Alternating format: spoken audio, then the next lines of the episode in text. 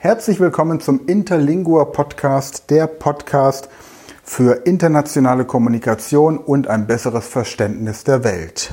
Benvenite al Interlingua Podcast, le podcast de Kommunikation international e un comprension global. Mein Name ist Sven Frank, ich bin Inhaber der Speed Learning Academy.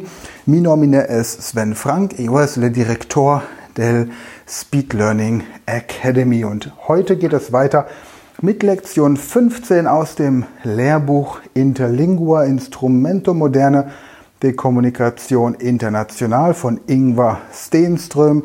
Den Link zum Buch findest du in der Beschreibung des Podcasts oder auch in den Show Notes.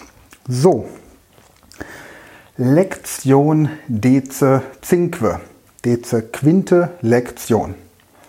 Ich lese den Text wieder vor und anschließend wiederholen wir ihn mit der entsprechend deutschen Übersetzung. Illa reveni dicente che professor es occupate ancora alicun minutas, ma ille le preca attender. Con grande placer ille responde sin un momentetto de hesitation, accentuante le parola grande, forsan un poco troppo forte. E nunc, ille comencia demandar la un multitude de questiones. De ubi illa veni, che face illa in iste pais, e ille non mesmo oblida le question importante, che es vostre nomine. Certo, ille non probat celar su interesse in illa. Illa voluntarie le narra, que illa es un studente de ciencias social, que illa ha un camera presso le professor, qui es multo amabile. Illa assecura que illa trova toto si agradabile. Le professor e su marita ha un giardin si belle con rosas e altere flores meravigliose. Audiente la mencionale parola rosas, Hugo hasta cambiar del tema de lor conversación. Inquiete que le escapará le ocasión de proponer le novo incontro. Illes parla de toto, et certo illes es de accordo del avantages de un idioma común como interlingua. On audi le passos del professor approcharse in le camera vicin. Ma cinque secundas suffice pro finir lor conversation e dicer lo essential. Potenos revidernos le sabato proxime, si, a che ora? A sette horas, si iste es bon provos. Io venira cercavos hic? Si, si, de accordo. A revider, a revider. Wie romantisch. Gehen wir den Text im Detail durch. Illa reveni dicente, sie kehrt zurück, sagend, que le professor es occupate, dass der Professor noch beschäftigt ist, ancora noch, alcun minutas, einige Minuten. Ma ille le preca attender, aber er bittet ihn zu warten. Con grande placer, mit großem Vergnügen, ille responde sin un momentetto de hesitation.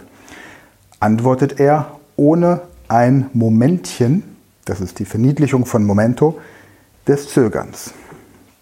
Hesitation, Hesitation, to hesitate kennen wir aus dem Englischen. Accentuante, le parola grande forza nun poco troppo forte. Betonend oder akzentuierend das Wort groß. Vielleicht ein bisschen sehr stark. Enung ille comencia demandar, und jetzt beginnt er zu fragen, la, sie, un multitude de questiones, eine Vielzahl von Fragen. De ubi illa veni, von wo kommt sie? Que face illa in iste país, was macht sie in diesem Land? E il non mesmo oblida le questione importante und er vergisst noch nicht einmal die wichtige Frage, che es vostro nomine? Wie ist ihr Name? Certo, il non proba celar interesse in illa. Sicherlich versucht er nicht das Interesse, das er in sie hat, zu verbergen. Illa volontarie le narra. Sie erzählt ihm bereitwillig. Illa es studente de ciencias social, dass sie Studentin der Sozialwissenschaften ist. Que illa ha un camera presso le professor, dass sie ein Zimmer bei dem Professor hat, qui es multo amabile, der sehr liebenswert ist.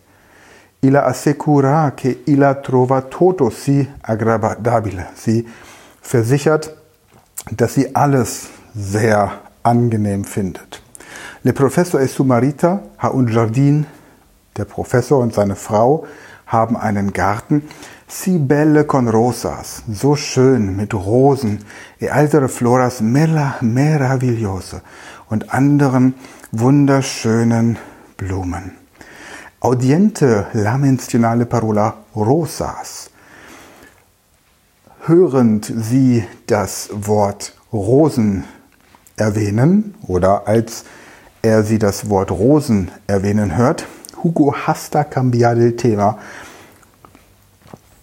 wechselt Hugo sofort das Thema la Konversation ihrer Konversation, ihres Gespräches, inquiete que le escapara le ocasión de proponer le nuevo encontro. Besorgt, dass ihm die Gelegenheit ein neues Treffen vorzuschlagen, entgehen könnte.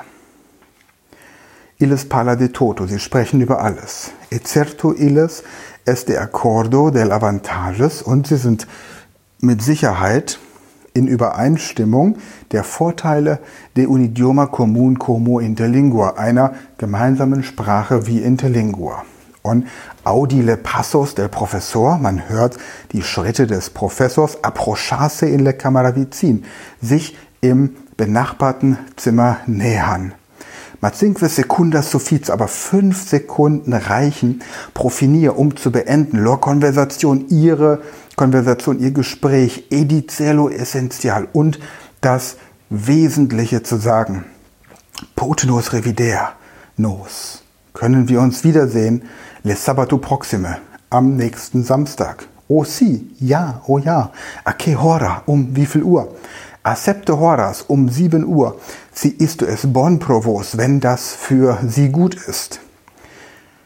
Juvenira, ich werde kommen, cercavos hic, um sie hier abzuholen. Si, si, de accordo, ja, ja, einverstanden. Arrivider, arrivider. Ja, was für eine Geschichte. Ingvar Stenström, den ihr auch hier im Podcast noch im persönlichen Interview kennenlernen werdet, mittlerweile weit fortgeschritten im Lebensalter, aber immer noch vollkommen klar im Kopf, ist ein Großmeister des Geschichtenerzählens. Und so bleibt es spannend abzuwarten, was in der nächsten Podcast-Folge kommt, wenn wir Lektion DC6, die 16. Lektion durchnehmen, La Familia, La Familia de Hugo. Und bis dahin, wenn du dich weiter beschäftigen möchtest mit Interlingua im Selbststudium, empfehle ich dir die Seite interlingua.com. Ich empfehle dir, die Zeitschrift Panorama zu abonnieren, die vierteljährlich rausgeschickt wird und Nachrichten aus aller Welt in Interlingua enthält. Wenn du Interlingua intensiv praktizieren möchtest, dann bieten sich aktuell Trainings von drei Tagen in einer Gruppe an, die wir hier anbieten in Deutschland. Oder alternativ wartest du, bis sich diese ganze Situation mit dem Reisen aufgrund der Pandemie ein bisschen entspannt hat und wieder internationale Treffen anberaumt werden. Wenn du nicht so lange warten möchtest, findest du auch Foren zu Interlingua in den sozialen Netzwerken bei Facebook oder kannst dich natürlich auch jederzeit bei mir melden. Wir haben, wie gesagt, regelmäßig drei Tagestreffen, wo man einfach gemeinsam in Interlingua über unterschiedliche Themen spricht und so seine Sprachkompetenz erweitern kann. Wenn du einen Interlingua-Kurs für deine Mitarbeiter möchtest, wenn du Interlingua in deiner Firma implementieren möchtest, dann schreib mir eine E-Mail an info at speedlearning.academy oder vereinbare doch gleich einen Termin für ein persönliches Telefonat mit mir, in dem wir diese ganzen Themen besprechen können. Du kannst diesen Termin selbst bestimmen, indem du auf speedlearning.academy slash Termin gehst und einfach eine Uhrzeit raussuchst und ein Datum, das für dich passt. Bis es soweit ist, dass wir uns persönlich kennenlernen, sage ich Gracias pro ascoltar hodie. Danke fürs Zuhören heute. E a reaudir e revider, revider in le futuro. Bis zum nächsten Mal.